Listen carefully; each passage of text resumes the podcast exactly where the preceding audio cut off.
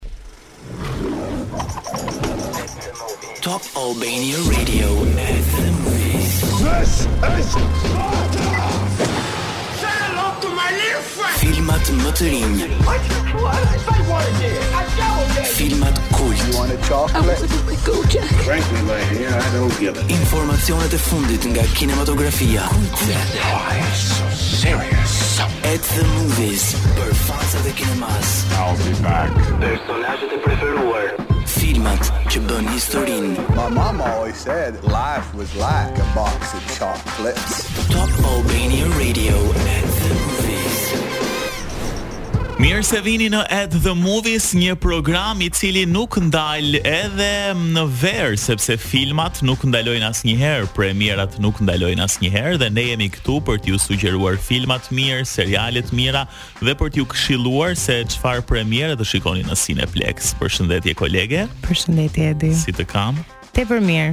Po dëgjoja tani këtë që po thoje dhe mendoj se filmat fillojnë të shihen në verë. Është pikërisht mm -hmm. ajo koha që kemi më shumë kohë të lirë nëpër duart tona. Kur të tjerët po themi përfundojnë atë sezonin, ne um, filmdashësit sapo e nisim sezonin. Patjetër, prandaj kemi përgatitur disa sugjerime shumë shumë të mira për ju. Kemi dhe një premierë në Cineplex, por këto do t'i dëgjoni pas pak. Po, një premierë shumë interesante, po mendoja tani, uh, sidomos në këtë periudhë kur të gjithë lahemi në det, ne që dimë not, ndoshta preferojmë të shkojmë edhe pak larg, do të jetë pak e frikshme si premierë, megjithatë mos harroni në fund të fundit se është vetëm një film. Po e thoja edhe pak më parë që në verë sigurisht të gjithëve na pëlqen të lahemi në det, në pishinë apo kudo tjetër, por në det ka një ndjesi tjetër. Edhe në liqen është pak e frikshme. Ti ke provuar të notosh ndonjëherë në liqen? Kam provuar, nuk është një nga eksperiencat e mia më të lumtura të jetës, pasi kishte okay. nga ato gjarpërinjtë e liqeneve, kështu që ah. për mua ato kanë qenë krijesat më të frikshme që kam parë në një liqen, por jam e sigurt që për personazhet e këtij filmi ato duken si cironka. Po, po. Krahasim me ç'shohin.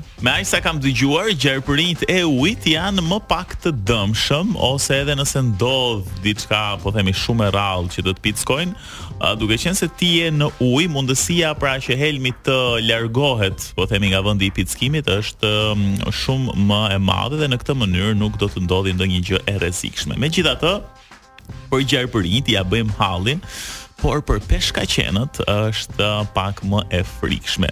Unë që mendoj dhe e quaj veten deri diku një notar të mirë, më pëlqen të shkoj goxha larg, por ka momente në fakt kur je larg edhe të kap një lloj paniku. Të kap një lloj paniku uh, kur të kujtohen ndoshta disa filma, për shembull mua më kujtohet gjithmonë piranjat kur jam thellë në det, edhe pse në det Është pak e vështirë të gjenden uh, piranja, por gjithsesi psikologjia dhe paniku bëjnë të vetën edhe ti turresh drejt bregut më pas me shpejtësi. Kurse mua më kujtohet filmi Jaws, sepse kam qenë në Martha's Vineyard, dhe mm. atje ku është xhiruar filmi dhe të gjithë hidheshin nga ura oh, ku peshkaqenët okay., por thjesht ideja që kisha parë filmin dhe atashimi i asaj urës me të gjitha eventet që ndodhën në ujë, më bëri që 3 muaj verë në Amerikë mos të hidhesha kurrë nga ajo ura, pa çka se të gjithë hidheshin dhe kjo është diçka për cilën pendohem sot, por prapë po të jem aty, ndoshta nuk ma mban shumë. E vërtetë, e vërtetë është um, gjithmonë ndodhin këto episode në det dhe deti në vetvete është i frikshëm sidomos kur je pak thellë, kështu që një këshillë për të gjithë ju aq më tepër me shumë episode që kanë ndodhur gjatë këtij sezoni uh, veror, sigurisht notoni deri aty ku është e lejuar, sepse sigurisht ka disa bova që tregojnë se ku është kufiri deri ku duhet të shkosh. Dhe mos rrezikoni asnjëherë sepse asnjëherë nuk i dihet. Megjithëse episodet e shfaqjes së peshkaqenëve në bregdetet tona kanë qenë super të rralla ose pothuajse fare. Jo më kot po e bëjmë këtë diskutim sepse kemi një premierë që lidhet me këtë gjë, është Meg 2 The Trench. Një film me peshkaqen, po jo me peshkaqen të zakonshëm, po me peshkaqen prehistorik. Ndjekim pak trailerin. Vetëm pesë për qind e oqeanit është eksploruar. Thellësia dhe errësira fshehin mistere vdekjeprurëse.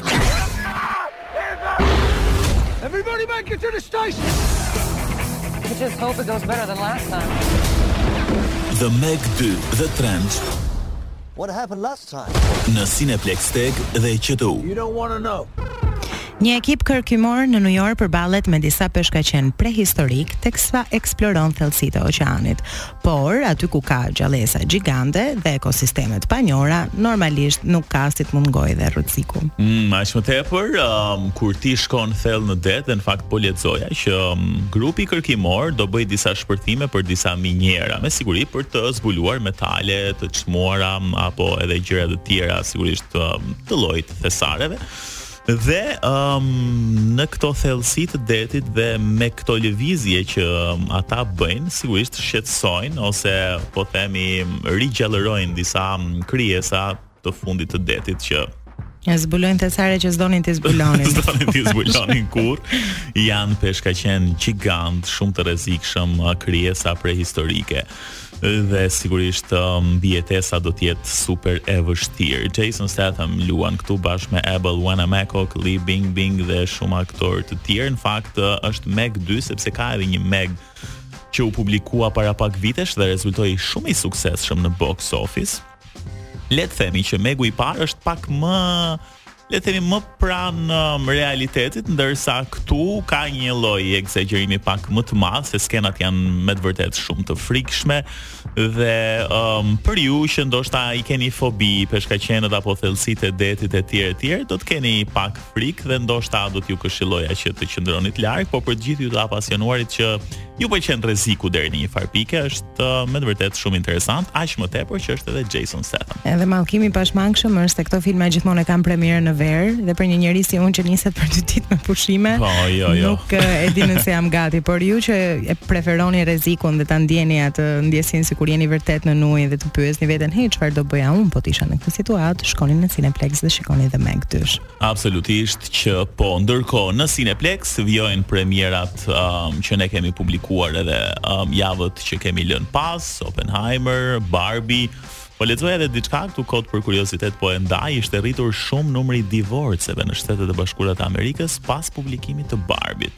Sepse uh, vajzat kanë kuptuar se mund t'ia po, dalin pa meshkujt. Po, mund t'ia dalin pa meshkujt dhe uh, për shembull disa sjellje që mund të ishin pak më të tolerueshme deri tani kur kanë parë Barbin, kanë thënë ok, avash se domethënë paska gjëra më të rëndësishme dhe njeriu duhet të sillet më mirë. Kështu që ju që keni mm, të dashurat, gratë, kujdes. Bëj shaka, bëj shaka. Barbie ka të dy anët e medaljes, kështu që Kurse unë them nxitoni ta shikoni dhe të kuptoni se ndonjëherë dhe vetja juaj është e mjaftueshme. Okej. Mirë. Jemi në pole të kundërta. Të kundërta, po sigurisht. Kthehemi pas pak sepse do të um, t'ju sugjerojmë um, dy gjëra. Janë dy seriale trending now që po bëjnë namin momentalisht dhe do të ndalemi gjerësisht te këto. um, këtë sezon veror dhe janë të momentit janë sezone të reja. Rikthehemi në At the Movies dhe siç e premtuam pak më parë, ky është momenti që unë dhe Edi kemi përgatitur sugjerimet tona për disa seriale që ju mund të shikoni. Tani që vera është më prezente se kurrë dhe besoj se është muaji i vetëm ku me plot gojë mund të themi kam kohë të relaksohem edhe të shoh filma të bukur. Mendoj se nëse gjatë gjithë vitit keni refuzuar të shihni serialet që ne sugjerojmë, Tani ka ardhur koha t'ju them, nuk keni të drejtë të nxirrni justifikime. Serialet që kemi përzgjedhur nuk jua kemi sugjeruar kurrë më parë, ama ju e dini se në këtë një orë së bashku ne mundohemi me do e mos t'ju servirim më të mirat e më të mirave.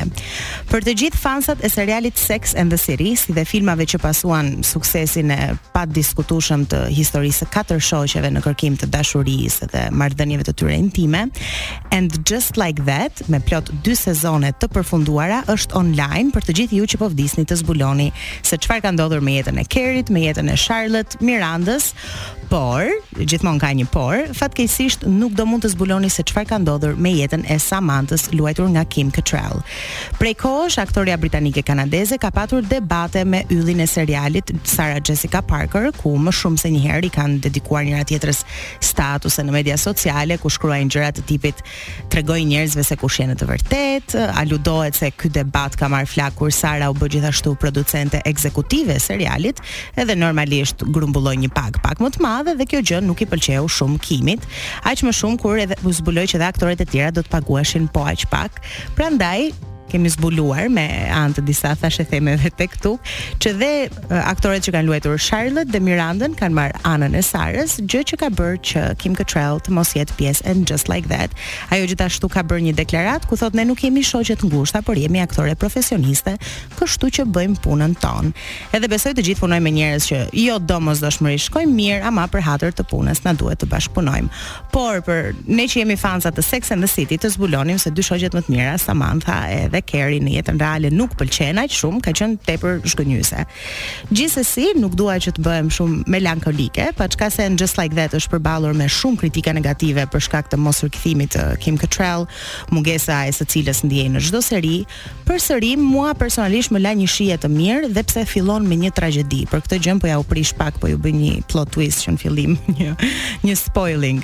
Ë uh, ndryshimet nuk kishin fund, kësaj radhe do kemi shumë karaktere të etniciteteve dhe të seksualiteteve të ndryshme, pra medoemos Sex and the City do bëhet më pranues dhe më gjithëpërfshirës, Por, diçka që më pëlqeu është dhe linja e historisë, e cila ndihet goxha më e maturuar, pasi vajzat e reja që po kërkonin dashuri në New York dhe endeshin rrugëve tashmë janë në të pesëdhjetat, por kjo nuk do thotë që dramat nuk kanë marrë fund dhe as që momentet gazmore nuk kanë mbaruar.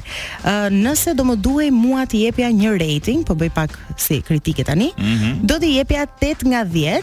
Uh, është nga ato seriale që ndoshta dhe kur nuk të pëlqen se si po ecën një episod specifik, ti do ta shikosh sepse do pafundësisht të zbulosh se çfarë do ndodhë më vonë. Po ka elementë që të mbajnë lidhur, po themi, sidomos për fansat e Sex and the City, absolutisht që ky është një lajm shumë i mirë, uh, rikthimi i tyre, jo i të gjithave, kuptohet, po megjithatë Ëm, sido që të jetë, kur ne kemi parë një film apo një serial dhe kur na rikthehet uh, pas shumë kohësh, ëm um, është pas 11 vitesh e imagjinon diçka për të cilën ti je afeksionuar, të rikthehet pas mm. 11 vitesh, aktoret janë të plakura gjithashtu. Kështu që ka edhe një ndryshim, po themi qoftë edhe në pamje, po besoj edhe ngjarjet i kanë zhvendosur um, edhe disa vite më pas, sigurisht se edhe jetët e tyre kanë ndryshuar.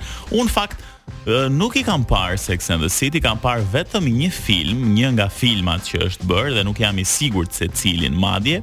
Uh, por nuk e di, uh, mbase duhet a, a mund ta shikoj And Just Like That edhe pse nuk e kam parë uh, Sex and the City apo Unë nuk të të rekomandoja që ta bëje këtë gjë, mm -hmm. pa çka se edhe mund ta kuptosh linjën e historisë, por nuk do të ketë atë efektin sentimental që ka kur ti njeh personazhet, por është një film që shpesh herë është paragjykuar si një film që mund të shikohet vetëm nga gjinia femërore, por po ju bëj një një zbulim sensacional të ditës, që në qoftë se meshkujt e shohin Sex and the City, do zbulojnë shumë se si duhet të trajtojnë një femër, si të sillen me një femër dhe si ta mbajnë një femër. Okej, okay. më pëlqen po uh, sepse ndonjëherë na duhen disa leksione dhe të shikojmë se si femrat uh, e shohin botën në mënyrë që ne ndoshta tu përshtatemi pak më tepër. Um, gjithmonë ju duhen leksione. Gjithmonë, gjithmonë. Me leksionet, të cilat na duhen absolutisht, uh, unë do të flas për um, uh, ok, bëjmë një shkëputje më mirë tani dhe unë po jap sugjerimin tim pasi të rikthehemi um, pas një kënge. Unë kam The Witcher, është sezoni 3 po e zbuloj dhe do t'ju them pas pak se si do të jetë ky sezoni 3 dhe a do të rikthehet Henry Cavill sërish në sezonin e 4. Këtë jua themi pas pak. The Witcher është rikthyer sërish në sezonin e tretë dhe në fakt u publikua me dy volume. Volumi i dytë ishte më njëzet e shtatë korrik, volumi i parë kishte pesë seri, ndërsa i dyti tre, pra në total sezoni i tretë kishte tetë seri. Duhet thënë se Henry Cavill rikthehet për herë të fundit si Geralti i Rivias, sepse do ta lërë pas këtë përvojë në sezonin e katërt. Geralti do të jetë Liam Hemsworth. Kë do të doje më shumë ti? Unë besoj se Henry Cavill patjetër. E, ka nuk jam një fanse e Liam Hemsworth. Identitetin kombëtar dhe nuk duhet përçudnuar më nga Liam Hemsworth. Megjithatë, ë uh, duket se Liam është i lumtur që um, do të jetë në rolin e Geraltit dhe ka thënë unë jam një fans i The Witcher dhe jam shumë i lumtur që m'u dha mundësia të luaj këtë personazh. Henry Cavill ka qenë një Geralt i zakonshëm, jam i nderuar që ai po m'i jep frerë dhe shpatat e ujkut të bardhë dhe unë do të vazhdoj kapitullin e aventurave. Megjithatë, deri atëherë keni mundësi të shijoni sezonin e tretë. Duhet thënë se The Witcher është një serial televiziv dramë fantazi i krijuar në fakt nga Lauren Schmidt, përshkruan historinë e një gjuetari të vetmuar të përbindshave në një botë ku ka përbindsha, ka vampirë, Ka edhe njerëz që ndoshta janë ndonjëherë më të rrezikshëm se sa uh, këto krijesa. Kështu që shfaqja është në fakt rankuar edhe si një ndër më të parat në Netflix. The Witcher ka marrë emrin me saj dhe me siguri ju të paktën njëherë e keni dëgjuar si titull dhe për ju që nuk e keni nisur akoma si puna ime, duhet ta nisim se s'bën sepse është me të vërtetë interesant dhe mbahet po themi si një ndër serialet më të mira që ka Netflix. Mirë, kemi mbërritur në fund të programit, ne zgjodhëm vetëm nga një që të mos ju ngatërronim më shumë, por uh, të kishit ide të qarta, sepse ndonjëherë kur kemi shumë zgjedhje është më e vështirë për të vendosur. Kemi dhe një fitues kuici për të shpallur të javës që po lëmë pas, është Monika e cila mm, ka gjetur përgjigjen e saktë, shprehjen do you understand the words that are coming out of my mouth nga Rush Hour. Kështu që um, është bërë fituese e dy biletave për në Cineplex uh, Monika për të parë filmin e saj të preferuar. Ne do të jemi sërish edhe javës që vjen për premierat e radhës në Cineplex. Deri atëherë keni mundësi për të parë pafund filma dhe seriale dhe ndërkohë shijoni pushimet tuaja të verës. Faleminderit këndshme.